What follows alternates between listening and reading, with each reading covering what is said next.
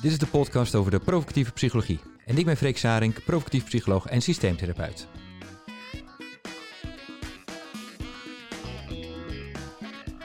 Vandaag hebben we een bijzondere podcast. Eerder kondig ik aan dat we na het behandelen van basisaanname 7 verder zouden gaan met open thema's. De eerste die gepland stond is een podcast over de provocatieve therapie en de wetenschap. Maar door het uitbreken van het coronavirus heb ik er spontaan een hele andere podcast gemaakt over de mogelijkheden van de Wim Hof methode om je immuunsysteem te versterken. En vandaag heb ik weer een andere podcast die nog niet over de wetenschap zal gaan. Wat is er namelijk in de tussentijd gebeurd? Nou, door de actie op LinkedIn van enkele weken geleden heb ik een aantal hele leuke en enthousiaste reacties gekregen van collega's uit hetzelfde werkveld, maar ook mensen die in een andere setting werken dan de spreekkamer van een psycholoog of coach. Ze hebben vragen gesteld of suggesties gedaan voor onderwerpen. En daarop heb ik besloten om een paar QA, oftewel vraag- en antwoord podcast te maken. En dit is de eerste. Uh, vandaag spreek ik met twee gasten. De eerste is systeemtherapeute en de andere werkt in het ziekenhuis als pijnconsulent. Nou, ik ben echt benieuwd. Oké, nou, dat vind ik niet echt heel enthousiast hoor. Ik hang aan jullie lippen. Kijk, dat uh, klinkt veel beter. Mijn eerste gast is Marianne de Planken. Marianne, welkom. Hoi. Ja, wat, uh, wat goed dat je erbij kan zijn. Zo via ja. Zoom. Ja, geweldige technieken. Ja, precies. Ja, we worden er allemaal heel snel heel bedreven in, hè? Ja, volgens mij wel. We kunnen zo niet meer zonder. ja. Ik heb... Uh, uh, wat, wat is de vraag, wat is het thema waar, uh, wat, je, wat jij had aangegeven? Nou, wat mijn vraag eigenlijk was, hè, want ik uh, werk heel veel met uh, gezinnen waar ook jongere kinderen in zijn. Ja. En nou was mijn vraag van, hoe zou je nou die provocatieve therapie, die, die, wat jij beschrijft, hoe kan ik dat nou gebruiken in gezinstherapieën met jongere kinderen? Ja. En, en, en waar zit dan de grens van wat humor is en wat want dat is natuurlijk altijd een leeftijdsverschil hè, tussen ouders en kinderen. Dat Ja. was een beetje mijn vraag. Ah, oké. Waar ligt die grens dan? Ja. Goed, oké, dus, de, de, dus eh, dan heb je een aantal aspecten eigenlijk te maken. Hè? Dus eh, in het Ja. algemeen, waar ligt de grens in, in het gebruik van humor, eh, noem jij specifiek? Sommige mensen zeggen dan ook, eh, eh, hoe ver kan je gaan in het uitdagen? Ehm, maar in gezinnen, zeker met jonge kinderen, krijg je mm, ook nog te maken met het verschil tussen, eh, tussen wat een kleine kind snapt aan kan en wat een volwassene snapt aan kan. Ja, Klopt dat? inderdaad. Ja, dat klopt. Ah, Oké, En dat vraag ik me dan af. ja. Hoe, jou, hoe jouw visie daarvoor is. Ja, Ook. goed.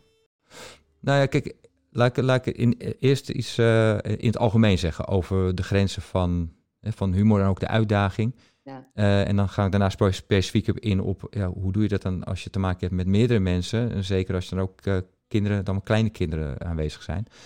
Eh, Ja. Kijk, in het algemeen, ehm, eh, die, die humor en die uitdaging, dat is iets waar we eh, ons mee profileren. We Ja. verkopen het van, nou, dit, dit werkt heel goed. Hè, omdat het de, de verwarring teweeg brengt. En vanuit verwarring worden mensen gedwongen om op een nieuwe manier, een andere manier te kijken naar zichzelf, naar de patronen waar ze in zitten. Hè, dus een kans dat er een verandering plaatsvindt is dan groter dan wanneer je niet die verwarring sticht. Ja. Maar het is een middel om te komen Mhm. tot, tot verandering. Ehm, en, en dat betekent dat je, dat je het altijd moet inzetten in dienst van het proces van de cliënt. Dus ehm, de grens van de humor en uitdaging zit erom in dat je kijkt, ehm, wat heeft de cliënt hier aan? Ja. En als je dit vaker doet, dan merk je dat je echt veel verder kan gaan dan menig een denkt of verwacht. Omdat we meestal heel opgeleid worden, opgeleid worden om heel erg eh, voorzichtig te zijn. En mensen eh, te beschouwen als, als eh, kwetsbare, unieke zielen. Mhm. En, en je kan veel verder gaan dan, dan we vaak denken. Ja. Maar het belangrijkste daarin is dat ik elke keer me afvraag: wat is het emotionele conflict waar de cliënt intern mee, mee worstelt? Ja. Nou, als, je, als, je, als je daar je vinger achter kan leggen, dan kan je daarin ook de, de gedachten die erbij horen van de cliënt zelf, Mhm. de, de eigen Ja. spookgedachten, angstgedachten, die kan je erg uitvergroten. En als je dat doet, dan, dan kan je bijna niet te ver gaan in de humor, in de uitdaging. Omdat je erg aansluit bij de beleving van de cliënt. Ja. Goed, dus, dus, dus eh, ik denk dat het belangrijkste is, qua grenzen, dat je steeds bezig bent eh, voor jezelf in de gaten houdt. Doe ik dit omdat ik denk dat ik met dat interne conflict van de cliënt bezig ben? Of doe ik dit omdat ik zo, zo, zo nodig provocatief moet zijn? In het laatste geval ga je al sneller de grenzen over. In het eerste geval blijkt dat je heel ver kan gaan. Oké. Ja. Nou, en, en dat is wel een kwestie van uh, veel ervaring opdoen. Of als je al veel ervaring hebt in het uh, werkveld en je, dan, en je gaat dan je, uh, je opleiden in het provocatieve, dan zou je ook sneller kunnen, vanuit het empathisch vermogen, je kunnen aansluiten bij waar gaat het nou echt om bij die cliënt. Oké. Ja. Um, als je kijkt naar gezinnen, ja, kijk, dan heb je sowieso te maken met meerdere mensen. En het gevoel van humor van de een kan weer uh, anders zijn dan het gevoel voor humor van de ander. Ja, daarom. Maar het feit, als je dit al zegt, dat leg ik zo, vaak zo ook zo uit, dan moeten mensen meteen al lachen. Want het is herkenbaar. Ja.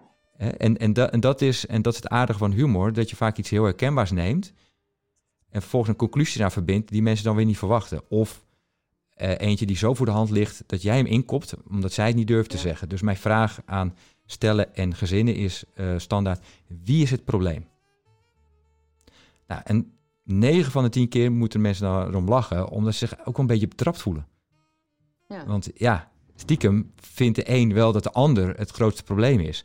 Maar ze snappen ook wel, als ze naar relatietherapie gaan of gezinstherapie gaan, ja, dan moeten we natuurlijk zeggen van we hebben allemaal het probleem. Ik vorm ook het onderdeel van het probleem. Maar eigenlijk vind ik dat jij vooral uh, vervelend bent. Ja. Dus, dus hè, dat, zit daar, dat zit daar ook al in. Um, specifiek als het gaat over kinderen, dan mm. zie je dat, uh, dat uh, bij adolescenten, mm, die, uh, die hebben nogal, ja, die zitten zelf in een vrij ambivalente fase. Ja. En provocatief spelen we heel veel met ambivalentie. Ja. Dus, Ja, dus er is materiaal zat, zeg maar. Ja. Uh, tegelijkertijd zijn ze, hebben, ze, hebben ze ook uh, behoefte aan steun. Um, Ja. Erkend worden. Meer, iedereen heeft die behoefte wel, maar de adolescenten denk ik uh, nog meer. Dus daarin is het belangrijk dat je... aan de ene kant kan je hele rake dingen zeggen. Eh, omdat ze het ook wel grappig vinden en herkennen. Aan de andere kant moet je daar ook wel rekening houden... Hè, dat je het contact eh, bewaart met ze. Eh, en bij kleine kinderen, daar, daar zie je van... Nou ja, dat, dat sommige... Da daar schakel ik wel terug in, in de provocatie. Daar leg ik meer nadruk op de humor, minder op de Mhm. uitdaging. ja, dat lijkt me ook, want anders dan haken die echt af. Ja, klopt.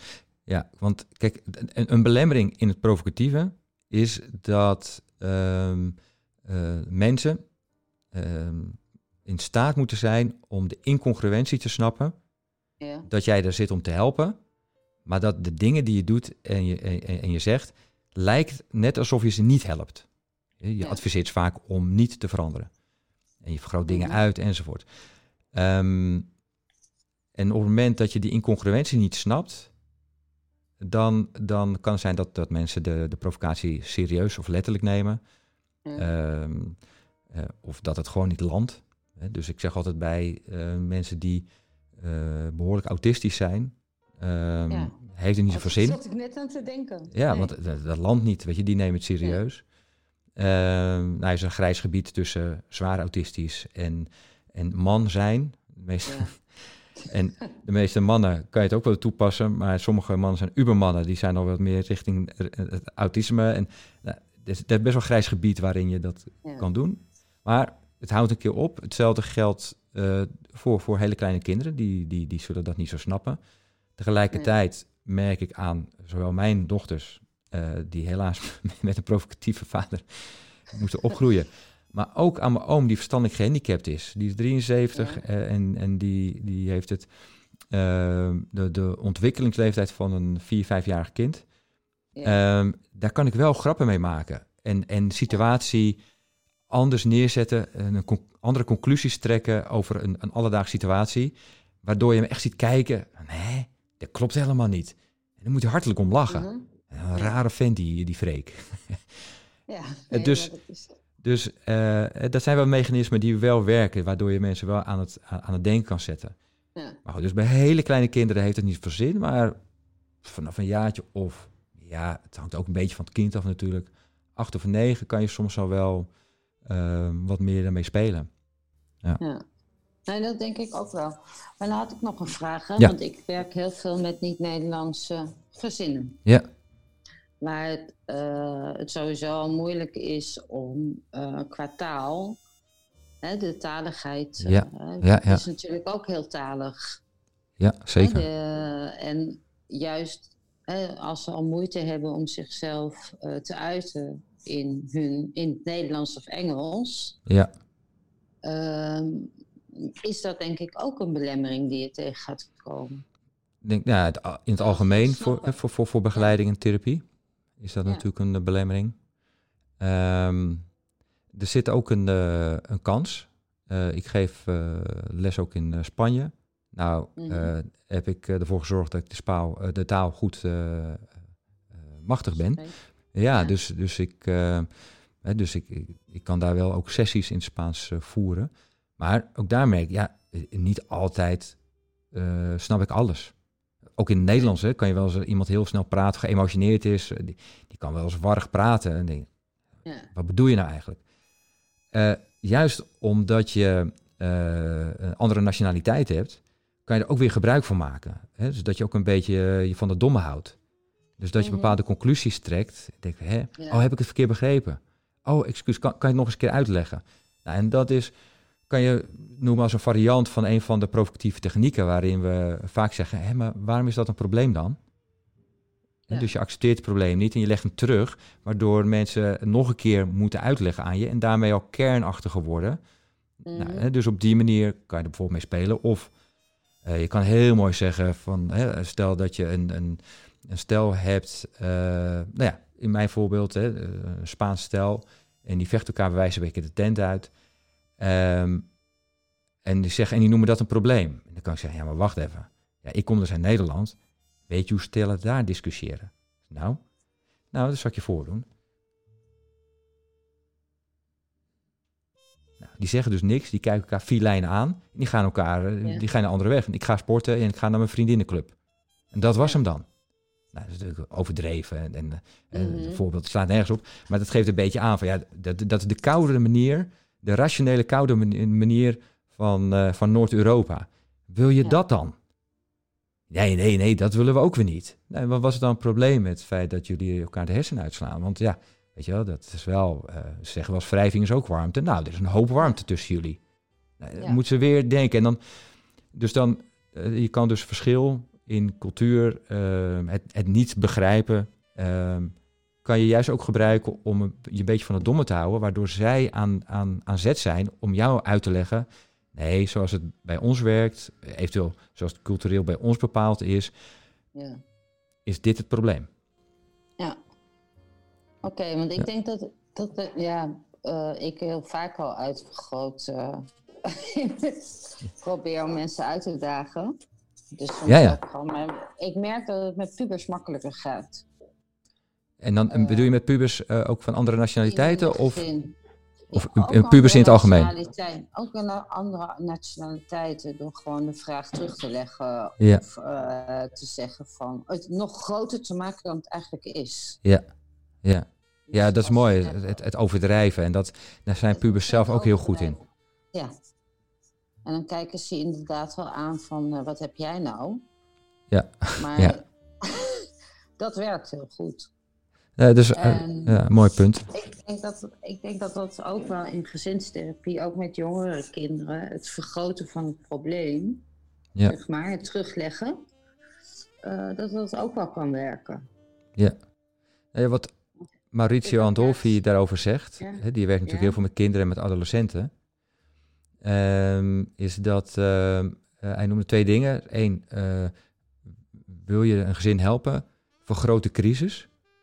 Mhm. Dus in plaats van het, het kleiner te maken en, en, en, en, en een gezin te helpen eh, te zoeken meteen naar een oplossing in, in de opluchting, dan gaat er waarschijnlijk niks veranderen. Eerst moet de crisis hoger worden, groter worden, zodat mensen gaan denken, ja, nu moet ik zelf ook eh, iets gaan aanpassen om te helpen om die crisis te veranderen. Dus dat is één ding. Ja.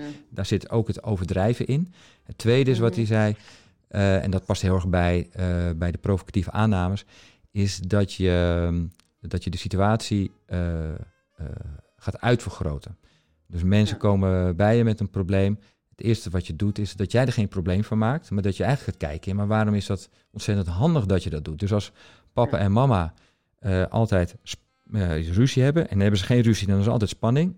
Waarom is dat Ja. eigenlijk een fantastische eigenschap dat jij als winkeldief carrière maakt?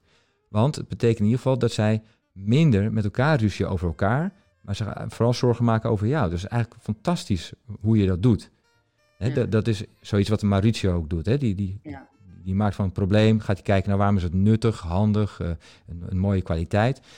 En vervolgens gaat hij dan niet zeggen van, nee, dat moet je niet doen, dat is niet handig. Die gaat zeggen, ja, ik snap het wel, maar doe je het wel genoeg? Want de ruzies houden niet op tussen pa Ja. en ma. Eh, moet je niet opschalen of zoiets. En wat je daarmee doet, omdat je dat, eh, als je daarin volhardt en in je argumenten aansluit bij, die, bij, die, bij dat kind of bij die puber, dan gaat het kind ook denken van wacht, maar dit is de eerste keer dat een volwassene mens eh, eh, zegt, nou, hartstikke goed dat je dit doet, want mijn docenten en mijn ouders en laatst nog een politieagent die zeiden van dit moet je niet doen, want anders dan krijg je een, een strafblad of zo. Ja. En, en deze therapeut die zegt, ik begrijp het wel, het is oké. Dus dan voelt een kind zich erkend. Je vergroot het uit, die erkenning. En vervolgens gaat het kind ook denken, ja, maar wacht even, dat, dat kan toch niet? Nee. Dus, Nee. dus in plaats van dat je kind afvalt en aan het denken zet, eh, steun je een kind eigenlijk door, door heel erg overdreven manier zijn kant eh, te belichten. En dat doe je bij alle gezinsleden. Ja. Ja, en dan is de eindconclusie, maar wacht even. Als niemand van ons verandert en we hebben allemaal gelijk, dan blijven we zo doorgaan als we altijd doorgaan. Ja. Ja, dat willen we niet, want, want we hebben wel een probleem. Ja. Nou, en vanuit die verwarring en overdrijving en, en eh, daar ontstaat eh, meer beweging bij één of meerdere gezinsleden om, om wel iets te gaan veranderen, hè, dan wanneer je eh, ja, die verwarring niet opzoekt. Nee, dat, daar ben ik het met je eens. Ja. Ik denk dat het dat ook wel de verwarring maakt dat mensen anders gaan denken. Hm. Ja, Of niet? Ja.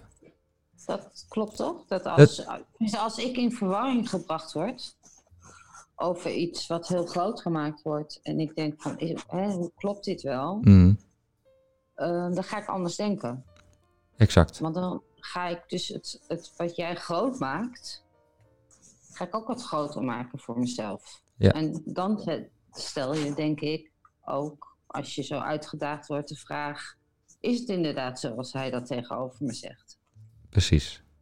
Moet ik niet gaan veranderen? Precies. Of moet ik niet iets, toe, hè, iets aanpassen of zoiets? Nou, en dat is wat, eh, eh, wat eh, in, ik haal graag eh, de, de, de auteurs aan eh, van het boek Change van de Palo Alto groep. Die, Ja. die, die zeggen op een gegeven moment, waar je in therapie naar moet zoeken, is een verandering van de tweede orde. Wat we vaak doen, is Ja. een verandering zoeken van de eerste orde. En wat bedoelen ze daarmee? Nou, ze hebben er allerlei hoofdstukken over geschreven en de samenvatting over een droom en eh, een, een nachtmerrie is heel treffend. Dan zeg ik, als iemand een nachtmerrie heeft, dan kan je binnen die nachtmerrie kan je van alles doen om te ontsnappen aan datgene waar je dan bang voor bent. Ja. Je kan vliegen, springen, je kan transformeren en ehm, je, kan vluchten, je kan, je kan, je kan eh, duiken, je kan, kan van alles doen. Ja. En dat zijn allemaal veranderingen van de eerste orde. Want wat er uiteindelijk niet gebeurt, is dat de nachtmerrie ophoudt. Dus je, binnen die nachtmerrie kan je van alles veranderen, maar uiteindelijk verandert er niet zoveel. Een echte verandering zou zijn dat je wakker wordt. Hè, dus dat je stopt met die nachtmerrie. Dan kom je in een andere toestand terecht. En, Mhm. nou, en, en wat we vaak in therapie doen, is dat we eh, met de cliënt zoeken naar verandering van de eerste orde. En zij zeggen, nee, wa- wat je moet doen is proberen een, een andere toestand te bereiken, waarin mensen gedwongen worden echt op een hele andere manier te kijken naar een situatie en naar mogelijke oplossingen. En Ja. daarvoor is bijvoorbeeld hè, de paradoxale interventie, eh, waar, waar, nou, waar zij mee bezig waren en ook de Milanese school, eh, was daar heel erg helpend in, omdat je daarin de, ook verwarring sticht eigenlijk. Nou, en, Ja. en, en de manier waarop zij denken over die hè, paradoxale interventie hè, ko- komt heel erg overeen met wat Frank Farrelly eh, heeft beschreven in zijn provocatieve therapie, waar we natuurlijk ook heel paradoxaal bezig zijn. Het is Ja. dus precies die verwarring waarvan we zeggen, dat zorgt ervoor dat mensen anders ja, gedwongen worden om anders te- naar zichzelf te kijken. Ja. Ja. Nee, dat, dat geloof ik. Ja. Marianne, is jouw vraag afdoende beantwoord? Mijn vraag is afdoende beantwoord. Ja. Ik ben wel heel benieuwd. Ik ga, ga stoeien, Ja, denk ik. nou ja, Ik ga denk ik eens dingen proberen. zoals voor iedereen geldt, eh, als je in het stoeien eh, wat backup nodig hebt en eh, we overleggen, je weet me te vinden. En Ja. ik vind het altijd leuk om mee te denken. Oké, hartstikke top. Ja? Nou, voor Ja. nu eh dankjewel voor, voor jouw inbreng, voor deze vraag. Ja. Superleuk. En ehm, ja, tot een volgende keer, Marianne. Tot de volgende keer.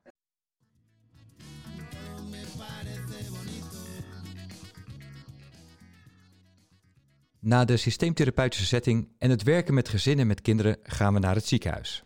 And now for something completely different. Ja, echt helemaal anders. De volgende gast die gereageerd heeft op de LinkedIn-actie is Patrick Rensink. Patrick, welkom. Hallo, goeiedag. Hoi. Wat leuk eh, dat je één hebt meegedaan aan de actie. Ja. En eh, twee ook je enthousiaste reactie om eh, mee te doen aan eh, deze podcast. Dankjewel. Ka- kan je me eens vertellen wat, ehm, wat was jouw vraag en, en wat is jouw achtergrond? Ja, inderdaad. Allereerst nogmaals dank ook voor deze uitnodiging. Mijn achtergrond is, ik ben anesthesiemedewerker. sinds 2001 in een ziekenhuis in het oosten van het land. Ja. Ehm, ik heb in 2005 heb ik daar het, het pijnteam geïmplementeerd. En ehm, zodoende kun je jezelf ook pijnconsulent noemen. En eh, sinds, sinds een jaar of zes is daar een opleiding voor. Eentje in Nederland. Ja. En die opleiding die volg ik ook momenteel. Meer als kerst op de taart eigenlijk. Ja, ja, ja. En ehm, nou ja, goed, eh, naast dat ik dus anesthesiemedewerker ben, ben ik dus een pijnconsulent, nog steeds assistent pijnbehandelingen. En, En wat ik- doe je als pijnconsulent? Als pijnconsulent, eh, allereerst gaan we langs de mensen die geopereerd zijn om te kijken of het echt wel zo goed gaat met de pijn als dat we hopen Ja. en met de misselijkheid. Ehm, daarnaast worden er ook mensen opgenomen met pijn door allerlei specialisten, specialismen. Eh, daar worden we eventueel bij gevraagd. Als ze daar niet uitkomen, eh, nemen we een uitgebreide pijnanamnese af en begeleiden we die mensen.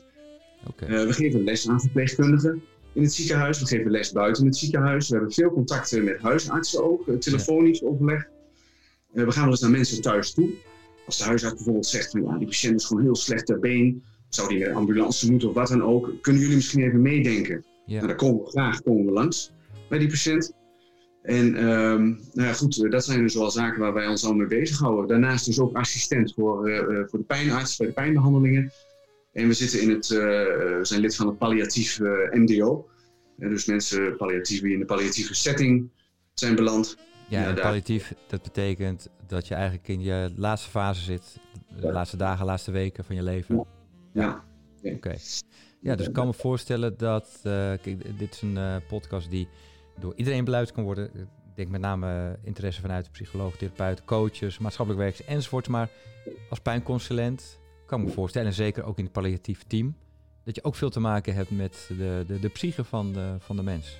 Ja, inderdaad. En, en, en dat is allereerst ook een, een hele grote interesse die daarbij bij mij ligt. Ik lees ook graag literatuur over psychologie, algemeen, heel breed. En ehm, dat vind ik ook zo mooi aan de opleiding pijnconsulent. Die besteedt best veel aandacht aan communicatie, psychologie bij pijn.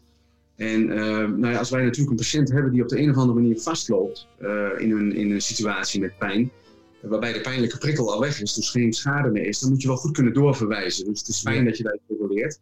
Ja. En, eh, maar goed, bij iedere pijnpatiënt, of iedere patiënt of mens die pijn heeft, speelt natuurlijk psychologie en zijn eigen individu, zijn eigen identiteit. Ja, precies. En, eh, en, en zeker als het op een gegeven moment ook chronisch wordt en in de palliatieve setting, absoluut. En Ja. eh, dat vind ik erg interessant. En iedere patiënt is daar ook weer anders in. En, en daar, daar kun je ook niet echt protocollen op loslaten. En dat is ook weer het leuke. Ja.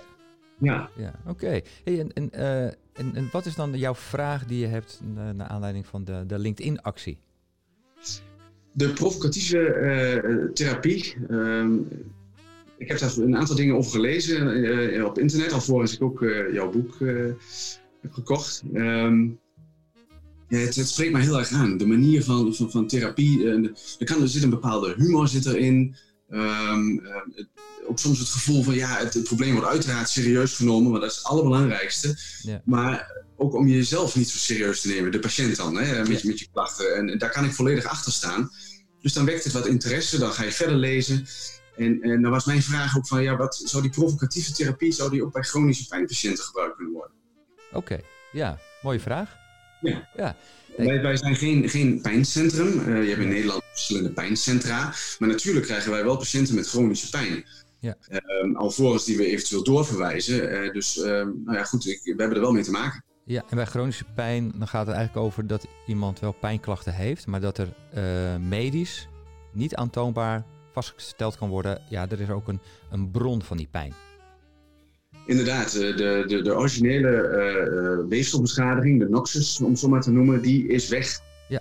En ja. toch blijft die pijn er nog bestaan. En, ja. en als pijn ook maar lang genoeg blijft bestaan, kan het hele neurale systeem, als het nog acuut is, ja. ook gaan veranderen. Waardoor het dus chronisch kan worden. Ja. En, en uh, dat is inderdaad de definitie voor de chronische pijn. Nou, laat la, la ik een paar dingen daarover over roepen.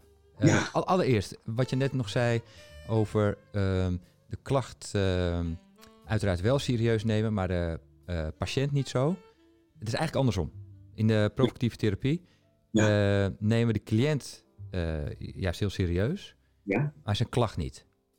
Oké, okay, ja. ja, dat heb ik inderdaad. Dergelijke zaken heb ik wel gelezen op internet. Ja, He, het, het, want het gaat er namelijk om, ik krijg wel vaker de vraag, ja, maar neem je me nou serieus? Of, he, omdat ik natuurlijk in het provocatieve vaak het probleem ontken, Mhm. van een probleem een fantastische gave maak, uh, het bagatelliseer, normaliseer of juist overdrijf en uitvergroot. Ja. Dus die, die vraag komt wel eens van de cliënt, ja, maar neem je, je, je neemt me niet serieus. Ik, zeg, ik neem jou wel serieus, maar de manier waarop je ermee omgaat niet. De manier waarop je ermee omgaat, dat is meestal de klacht. Ja, ja, ja. Dus, ehm, en, en als je kijkt naar ehm, chronische pijn, en het aardige is wat daar eh, over uh, gezegd en geschreven wordt, en dat is iets wat, wat in de, ook in de psychologie, de neuropsychologie in een ontwikkeling is, en opkomst is, is Ja. juist ook de psychologie van de pijn. ja. Met name de chronische pijn. Waar eigenlijk wordt gezegd, ehm, ja, pijn eh, moet je leren zien als een, ehm, als een verstoring in je ehm, neuraal netwerk. Ja. Kijk, op het moment dat ik nu met een hamer op mijn vinger sla en ik heb pijn, dan is het geen verstoring. Dat klopt. Het Het geeft een signaal door die aangeeft er is iets aan de hand. ja. Maar Lees- pijn is in principe een, een signaalfunctie. Op het moment dat het chronisch wordt en bron van de pijn is er niet meer, hè, dan, Ja. dan eh, is er sprake van een verstoring in het neuraal netwerk. Inderdaad, En ja. nou, dan zou je ongetwijfeld ook weten dat, dat nu allerlei onderzoeken worden gedaan. En hoe kan je mensen coachen in, in te leren dat eh, de pijn niet een, een objectief vaststaand iets is, maar Mhm. dat het eigenlijk een verstoring in hun neuraal netwerk is. En op het moment dat je daarvan uitgaat, kan je jezelf eh, trainen om op een andere manier de, de, de pijn te beleven. Mhm. Ehm, en, en, en dan ga je dus psychologisch eh, aan de slag met de pijnbeleving. En er worden al goede resultaten bereikt. Dat, dat mensen erop ja, het misschien nog wel voelen, maar het anders beleven. En dan maakt het in ieder geval draaglijker. Precies, ook een vorm van educatie zit er ook weer in. Hè? Exact.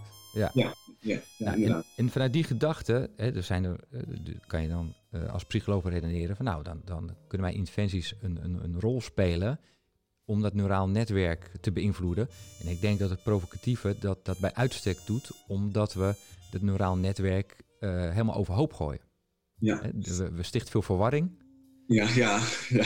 toch? Ja, en, en, en de humor die we gebruiken, de, de, de, de, de, de aparte eh, ingevingen enzovoorts, die, die zorgen ervoor dat, dat eh, mensen niet op een normale manier kunnen nadenken over hun probleem.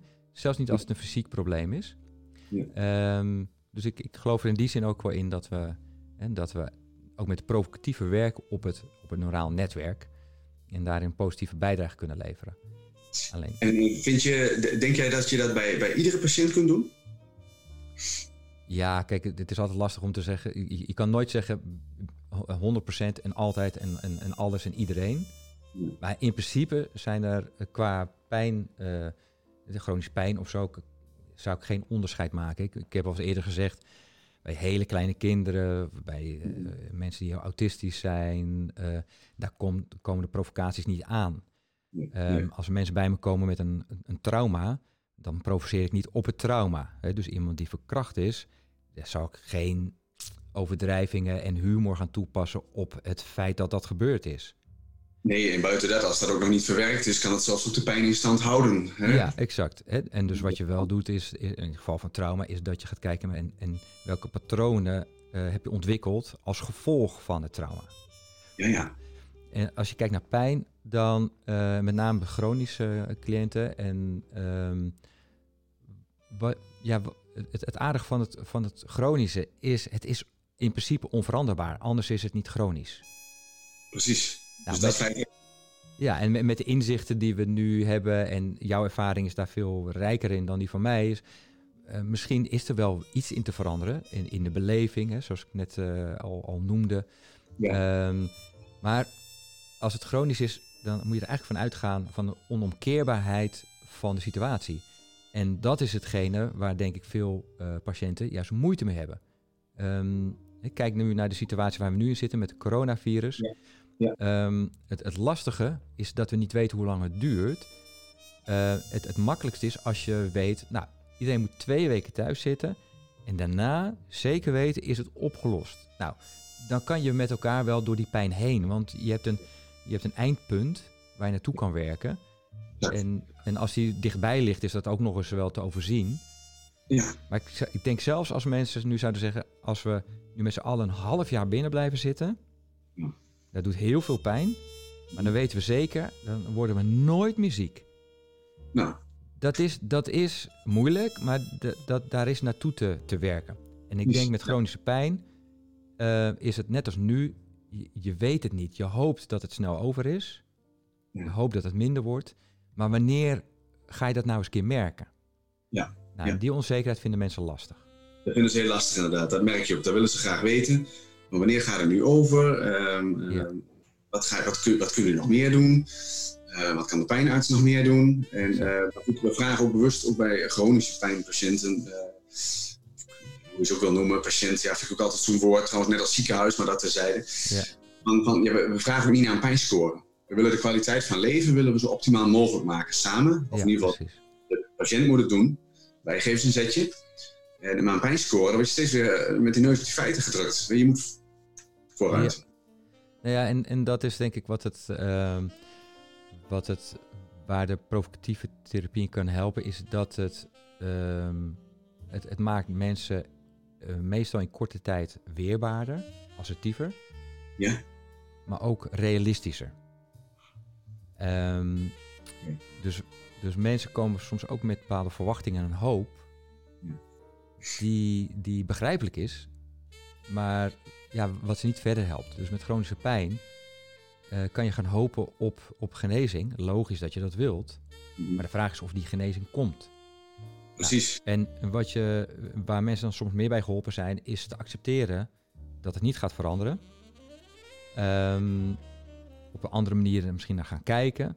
En dan wordt de kwaliteit van leven misschien wat, wat beter dan wanneer je blijft zitten in het. Maar dat moet toch eens over zijn. Waarom overkomt me dit nou toch? Ja. Nou, en ik denk dat in die zin het provocatief kan helpen dat, dat je mensen realistischer maakt. En wat je doet is, je gaat eigenlijk in op de onomkeerbaarheid van het, eh, van het probleem. En, en ik denk dat dat is waar veel collega's eh, vanuit de therapiekant, maar mogelijk ook vanuit eh, eh, jouw werk als pijnconsulent. Het is lastig als iemand bij je komt en, en die is aan het lijden. Dan Ja. ja. bij de gemiddelde hulpverlener roept dat een gevoel op van, ach jezus, wat, wat, sneu. Weet je wel? En ik ben hier om je te helpen. En je, je wil soms ook troost geven. En nou, dat, dat soort gevoelens wordt, ro- roept het vaak op. Ja, in eerste instantie. Ja, maar nou ja, goed. Dan, dan blijkt hè, er geen oplossing te zijn. En je ziet die cliënt of patiënt zie je inmiddels wat vaker. En eh, precies ja, het- hetzelfde verhaal en dezelfde pijn. En dus de machteloosheid van die cliënt wordt ook jouw machteloosheid. En, Ja. en, en dat, is, dat is nog best lastig om, om, Ja, om dan professioneel te blijven en begripvol. Ehm en het provocatieve wat je doet, is dat je met, met alle begrip voor de cliënt, dat je, dat je de andere kant op gaat en, en, en eigenlijk gewoon naar die, die harde waarheid toe gaat. En, over, en, en, en uitvergroot en ook met humor erin kan stoppen voor joh. Ja, en ik, ik heb een keer een, en er staat ook in een van die hoofdstukken van een boek iemand met, eh, wat was het, uit mijn hoofd MS, Mhm. eh, iets in die zin. Nou ja, op, op jonge leeftijd. ehm, een dertiger met MS, ja, pff, eh, chronisch, ook pijn. Ehm, en het, het, het, wordt, het, wordt nooit beter. Ja. Ehm, en in de acceptatie daar naartoe ben ik vooral heel erg gaan uitbeelden van, oké, enerzijds het niet willen opgeven. Mhm, Weet je, fuck die MS. En Ja. wat je gewoon doet is, zijn er dingen die je kan slikken die helpen? Nou, niks. Ja, maar ook, heb je wel eens cocaïne geprobeerd? Nee, dat heb ik nog niet geprobeerd, maar het, ja, dat zou kunnen. Ik zei, nou, weet je, dan ga je gewoon, je neemt gewoon een abonnement op de coke. En dan elke dag als je naar je werk gaat, weet je, wel, dan, dan voordat je opstaat en je denkt, oh, ik, ik kan niet, mijn lijf kan niet, dan neem je een lijntje. Je staat helemaal strak van, eh, van die coke en dan doe je gewoon net alsof het er niet is. Ja. En, dan, en dan laat je zien dat je echt een geweldige carrière tegemoet kan gaan. En dan met een beetje mazzel maak je ook nog eens eh, gewoon een- die, die stap in korte tijd. En voor je het weet ben je directeur van een grote onderneming. Nou, Ja. dan heb je ook het geld om nog meer kook te betalen, om het maar vol te houden. Ja, inderdaad, fuck die MS, weet je. Waarom zou je je laten kisten? Nou, Ja, dus aan de ene kant, die, hè, die kant overdrijven van, natuurlijk ga je niet opgeven. Waarbij een cliëntje meestal eh, corrigeert, ja, maar ja, dat is geen oplossing en ik, moet er toch een beetje mee leren leven. Nou, en, en als een cliënt dat gaat beweren, dan ga ik juist naar die kant. Ja, oké, leren leven, hoe, hoe, hoe zie je dat dan voor je? Ja, precies. Dat, dat, eh, dat lees ik ook inderdaad wel, inderdaad. Ook, ook in jouw boek. En dan, dan ga je inderdaad daar, weer op door. Ja, eh, de- Ja. ga je als een Quasimodo, kom je straks dan in een café. Van, weet je, ja, ik kan niks meer en oh, ik, ik moet drinken door een rietje, maar wie, wie wil met mij speed daten of zo. Ja. En dus ga je dat heel erg overdrijven, waardoor de cliënt ook je daarin gaat corrigeren of, of soms ook gaat zeggen van ja, nou ja, soms denk ik inderdaad wel zo. Ik snap ook wel dat het niet zo erg is, maar ik ben er wel bang voor dat ik over tien jaar ben ik nog geen veertig en dan is het wel zo erg. En, en Ja. de ellende voor die cliënt is, dat is misschien dus ook zo. Ja. Kan niet alleen nog maar door een rietje. Nee, maar eh, dan maak je het wat luchtiger inderdaad. En hij geeft, zegt zelf al dingen die je eigenlijk wil horen. Hè, maar dan vraag ik mij ook af, en eh, zelf zal ik natuurlijk nooit eh, ja, op zo'n dergelijke stoel gaan zitten, want ik ben nog geen, eh, geen, geen coach, maar eh, wel interessant. Maar hoe lang ga je daarmee door? Ehm, op een gegeven moment hij Chronisch. misschien... Ik ga er chronisch mee door. Ja. Chronische pijn, dat is een chronische behandeling. Ja, ja, dat is duidelijk. Ja, dat is duidelijk. Ja. Kijk, in principe, eh, en, en dat geldt in, in, in, in alle sessies waar ik provocatief werk, gaat door dat de, doordat de cliënt zegt eh, stop. Ja. En stop kan zijn in de zin van, nou, ja, ik heb het nu al door en ik snap het. En eh, oké, vanuit zelfrealisme of wat assertiviteit, ik ga het nu zo en zo aanpakken. Dankjewel voor de sessies. Hè? Dus dat kan een stop zijn. En een stop kan ook zijn, ik zeg van, nou ja, eh, ik, ik zie hier helemaal echt totaal nut niet van in. Wat heb ik hier nou aan? En dat is met name bij chronische patiënten. En dat is niet alleen bij pijn. Je ziet soms ook eh, mensen die ja, hun, hun depressie of hun angst of wat dan ook. ehm, dat is zo'n eh, lange, lang deel van hun leven al bij hun. Ja. Ze hebben er last van en willen er vanaf. Tegelijkertijd kunnen ze er eigenlijk ook niet van af.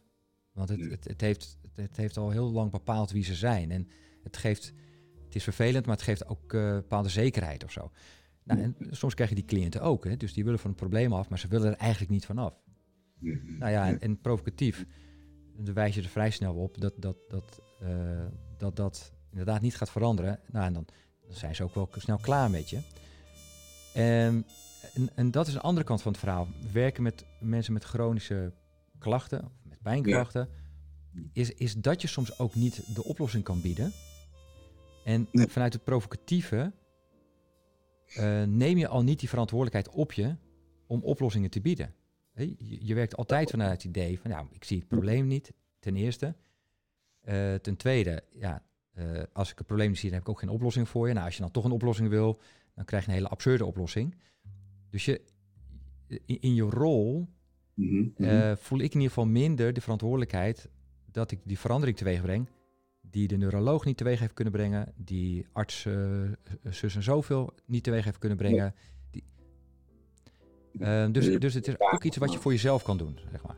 Ja, ja, dat ze een plekje kunnen geven, dat ze er weer verder kunnen, mogelijk. Hè? En, Ja. en, en je probeert zeker het rugtasje niet bij jou eh, neer te laten leggen. Dat begrijp ik dat goed. Exact. Ja. Ik heb zelf ook nog wel een mooi voorbeeld. want Ik heb er wat dingen over gelezen. En, en ehm, op een bepaald moment heb ik een patiënt eh, op de poli gezien. En tussendoor een keer een telefonisch consult. En eh, de patiënt ehm, had wat last eh, in de rug. Dus uitgebreide eh, anamnese gedaan, ge- ge- rode en gele vlaggen en zo. Allemaal niks geen Ja. bijzonder neuroloog geweest, niets, niets te vinden. Eh, maar toch pijn, nou ja, hè, dat weten we, dat kan dus, hè, dat is eh, heel goed mogelijk. De patiënt kwam altijd met een groen kussentje op de poli. Oh, Hè? Het kussentje, dat is de pijn, zeg maar. Dus ehm, nou ja, goed, op een gegeven moment, eh, de volgende keer, eh, kwam de patiënt op de poli. En ik heb al eh, toen wat, wat, wat kussens van de verpleegafdeling gehaald. En die heb ik allemaal op haar stoel neergelegd. ja. En ehm, nou ja, toen kwam ze dus binnen. Ik zei van, kijk, ik heb allemaal kussens, een heleboel. En ik heb hierachter ook nog wel wat liggen. En ehm, heb je zelf al kussens besteld trouwens op internet? Dat je gewoon overal kussens hebt in je auto. En misschien wel als je Ja, een ja, rolstoel heb je. Nee. Ach nee, zegt ze, zo erg is het toch niet? Met die kussens. Ik zei, goed, dan gaan we nu die kussens gewoon wegdoen. Ja, Hè, en dan ga je gewoon zonder kussens proberen. Dus ik gaf zelf wel het antwoord. Goed, ik ben dan niet chronisch erin doorgegaan. Ja. Ehm, maar ze gaf wel zelf het antwoord. Ach, zo erg is het toch niet? Nou, weg dan dat kussentje. Mooi. En, en ja, Nou ja, ik, ik wilde je net ook de vraag stellen. Je zei van ja, ik ben natuurlijk, eh, eh, ik zit niet op die stoel om eh, zo, te, zo te gaan provoceren. En ik wilde je eigenlijk de vraag stellen, maar ja, waarom eigenlijk niet? Ehm, maar je geeft nu net al het antwoord dat het, dat het prima kan. Want je kan soms ook, eh, ja, het zit er soms, soms ook in, gewoon een, een simpele interventie doen. de kleine dingen. Ja, dus niet dat je een hele sessie dat doet, maar zo'n simpele interventie. En, en dit is een mooi voorbeeld wat je hè, in, in, de, in de provocatieve therapie noemen we dat provoceren op de relatie. Dat iemand doet dan in de relatie een bepaalde manoeuvre. Bijvoorbeeld, die komt binnen en nou, die, die, die laat aan jou merken van, ik heb het zo zwaar. En, en eh, dat, dat kan bij, je- bij jou het gevoel oproepen van, goh, ik moet een beetje voor je zorgen. Ehm, maar zeker als, als therapeut denk ik dat het niet zoveel zin heeft dat je in die hele verzorgende rol gaat zitten, maar dat je juist gaat uitdagen en dat je mensen gaat prikkelen. Ehm, en om de cliënt uit die rol te halen, dat, dat ze zich, of hij zich presenteert als een, als een wat zwakker, hulpeloos wezen, Mhm. is één interventie dat je dan overdreven meegaat in wat, eh, wat eh, de cliënt van je vraagt. Dus als hij vraagt om verzorgd te worden, ga je extreem verzorgen. Bijvoorbeeld wat jij net zegt, allemaal kussens halen en allemaal regelen. En, en ik, ik- vaak ga ik ook wat zachter praten bij zo'n cliënt. En ja, moet- moeten we nu wel iets doen? Misschien kunnen we gewoon alleen maar heel rustig blijven zitten. En, nou, hè. Ja. En het meeste krijg je hetzelfde effect als wat, eh, wat jij net vertelt. Dat die cliënt zegt, nou, nou ja, het, het valt wel mee hoor. Zo erg is het nog niet met me. Nee, nee, Nou, en, en dat krijg je er niet uit, zo'n uitspraak, op het moment dat je wel heel gaat, gaat zitten helpen en zorgen. En dan, dan gaan mensen daar vaak heel erg in, in, in, in zitten. En ja, het is ook een bepaalde wilde die ze hebben. Ja, en dan komt er nog meer op je bordje.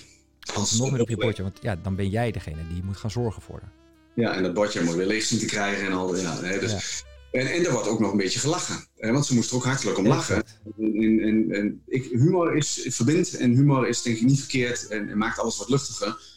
En, en je merkt dan direct van, eh, dat werkt niet bij iedereen, maar dat je wel toch een beetje ja, samenkomt, op één lijn geraakt. En dat is denk ik wel heel erg belangrijk.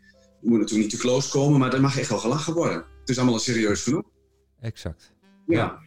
Wel een mooi voorbeeld. Er was ook een, eh, een patiënt die, eh, die, die, daar kwamen we wel achter, die wilde eigenlijk niet werken. en daar kwam de pijn eigenlijk wel goed van pas. Ja, Ja. Niet om die patiënt in de hoek te drukken, daar bedoel ik dit niet mee, maar eh, de omstandigheden zijn zo gelopen. Dat, nee, we, we kwamen erachter, dat hij wil eigenlijk gewoon niet werken en hij heeft ook chronische pijn. Nou ja, goed, op een gegeven moment zegt de patiënt van, ja, ja, nou ja, goed, ik ga toch maar weer proberen twee uur te werken. Dat moet dan maar, dat moet dan maar. Ja. Dat was ook mijn reactie, ik zal ontslag nemen, ik zal helemaal niet meer gaan werken. Lekker eh, uitkering trekken, hè. ja, precies. Ik wil mijn baan niet kwijt, zei hij toen, dat wil ik helemaal niet. Nou ja, dan heb je ook eigenlijk weer het antwoord wat je wil dat hij geeft. En, eh, ja, dat zijn wel interessante dingen. Dat, eh, Ja. Ja, het is mooi. Dus het, het zijn een aantal voorbeelden die u geeft, Patrick. Dat ook Ja. anderen nu hiernaar luisteren en denken... ja, je, ik ben geen psycholoog, ik ben geen therapeut... ik heb nog ge- geen opleiding in gedaan of wat dan ook. Kan ik dan wel provocatieve interventies inzetten? Prima. Hè, Ja. Want eh, die voorbeelden die u net geeft... die geven gewoon aan dat je vaak met een simpele omdraaiing van de situatie... Ja. dat je cliënten heel snel krijgt in een heel andere positie... Die, Ja. waar zij veel meer aan hebben. Ja, ik doe het dan wel heel erg wel met respect in die zin, omdat eh, ja, natuurlijk de, klassieke behandelwijze is, nou, wat jij net ook beschrijft, wat ik lees in je boek. Hè, in eerste instantie ja, wil je meegaan. Ehm, zachte heelmeesters maken stinkende wonden, dat weet je ook wel in je achterhoofd. Je moet toch je wil hem ook niet nog meer kwetsen. En, en zodoende uh, lees ik ook met veel interesse op, op jouw boek. Zo van, nou ja, goed, um, ja, het kan dus schijnbaar toch. Hè, maar we zijn zo die andere kant zo gewend. Hè, dat uh, ja. meegaan en het zalvende. Exact. Nee, en, en, wat je net noemt, kijk, dat, dat respect is uh, een belangrijk element. Altijd. Um, het gaat er echt om dat je provoceert vanuit de, de empathie die je voelt voor, voor de cliënt. Dus echt kunnen inleven in, in hoe de situatie voor de cliënt is. Maar vervolgens ja. niet meegaan in de redenatie en de beleving van de cliënt. Nee. Ja, daar heeft de cliënt helemaal niks aan, dan verandert er niks. Nee. Dus wat je doet is dat je, dat je goed bedoeld, met een warm hart, uh, iemand gaat uitdagen. En ja, waar, waar soms de, de, de naam uh, provocatieve therapie of, of coaching of psychologie naar neigt, is dat mensen denken, oh, dat is lekker hard confronteren. En dan is de nadruk op dat jij als behandelaar uh, hard kan zijn of zo. En, en da daar zit het hem niet in. Ik, ik zeg wel eens hele harde dingen, maar omdat het, als ik het goed doe tenminste, steeds vanuit de belevingwereld van de cliënt zelf is, zijn het vaak harde uitspraken die de cliënt zelf ook al tig keer tegen zichzelf heeft gezegd. Ja, Over zichzelf, zijn situatie. Weet je, ja. en, en dan is het iets waar, waar een cliënt denkt, zo, hij snapt echt hoe ik in elkaar zit. En dan is het niet hard. Nou, en... En er worden dingen inderdaad uitgesproken die normaal uh, niet uit worden gesproken. Exact. Ja, en en exact. Ja, dat er voorzichtig mee omgegaan wil worden. En, en ja, dat, zo zie ik het ook. Ja. Ja. ja, ja. Patrick, mijn vraag aan jou is: uh, ja, he, heb ik je vraag uh, voldoende beantwoord? Ja, je hebt mijn vraag uh, beantwoord. En um, chronische pijnpatiënten kan, het, kan het toegepast worden. Ehm, ik denk zelfs ook bij mensen die acute pijn hebben. Mensen ja. gaan er toch op een bepaalde manier mee om. En als ze er neigen om, om, om te veel in te blijven hangen of te veel catastroferen, bijvoorbeeld, ik zeg maar wat. Um, ik denk dat je daar ook wat voor kunt passen. Precies, ja. ja. En wat je dan kan doen tot slot is, is het, het, het leuke ervan is, dat heeft te maken met ook dat respect is, is, is dat je dan niet tegen iemand gaat boksen, maar uh, en, en dingen terug gaat kletsen in zijn gezicht. Maar iemand zegt, weet je, dit, het, het komt nooit meer goed, ik maak me zoveel zorgen. En dat je dan naar meegaat, nou ik snap je helemaal, maar maak je wel voldoende zorgen. Moet ja. je je niet nog meer zorgen maken? Ja, je zegt, het komt nooit meer goed, maar geloof je in reïncarnatie? Nou, hoezo? Nou, kijk, nooit bedoelen de meeste mensen met uh, mee, nou, tot aan mijn dood komt nooit meer goed. Maar in jouw geval, misschien komt het ook in je volgend leven niet meer goed. Weet je, dan ben je straks een, reïncarneer je als meikever met rugklachten. En dat is heel gek, want je hebt geen ruggengraat als, als meikever. Weet je, dus dat is heel bizar. En, nou ja, bij wijze van spreken, het slaat natuurlijk helemaal nergens op wat ik zeg, maar het zorgt ervoor dat, dat mensen denken, hé, wat gebeurt hier nou? En hoezo moet ik me dan meer zorgen maken? Maar dan geef ik natuurlijk een heel raar voorbeeld over zo'n meikever. Dan denk ik, nee, nee, nee, dat kan ik toch niet serieus nemen? Nou, hè, dus, je, uh, dus dat is een hele aardige manier om uh, eigenlijk op de stoel gaan zitten van de cliënt en het uh, gewoon uit te vergroten, zodat de cliënt op een gegeven moment zelf zegt, ja, nou ja, nee, ik, ik denk dat ik gewoon mee moet leren leven. Precies, ja, ja inderdaad, duidelijk. Ja. ja. Patrick, ik uh, dank jou uh, van harte voor het insturen van, van jouw vraag. Ja. Heel veel succes als pijnconsulent. En nou, ik hoop ook dat met wat je al gelezen hebt en met het boek en na aanleiding van dit gesprek, dat je misschien nog wat, wat vaak wat provocatieve interventies gaat inzetten. Nou ja, ik, ik ga er sowieso meer over lezen. En de psychologie nogmaals, dat vind ik ontzettend interessant. Dus wie weet, ik ben nog jong, wat er in de toekomst nog gaat gebeuren. Ja. Studie, bijscholing, alles is mogelijk. Heel goed. Nou, heel veel succes. Uh, dankjewel. En uh, nou, we spreken elkaar vast nog een, een andere keer over je ervaringen en, en je provocatieve successen. Prima, Freek. Dankjewel. Succes ook. Jo, dankjewel.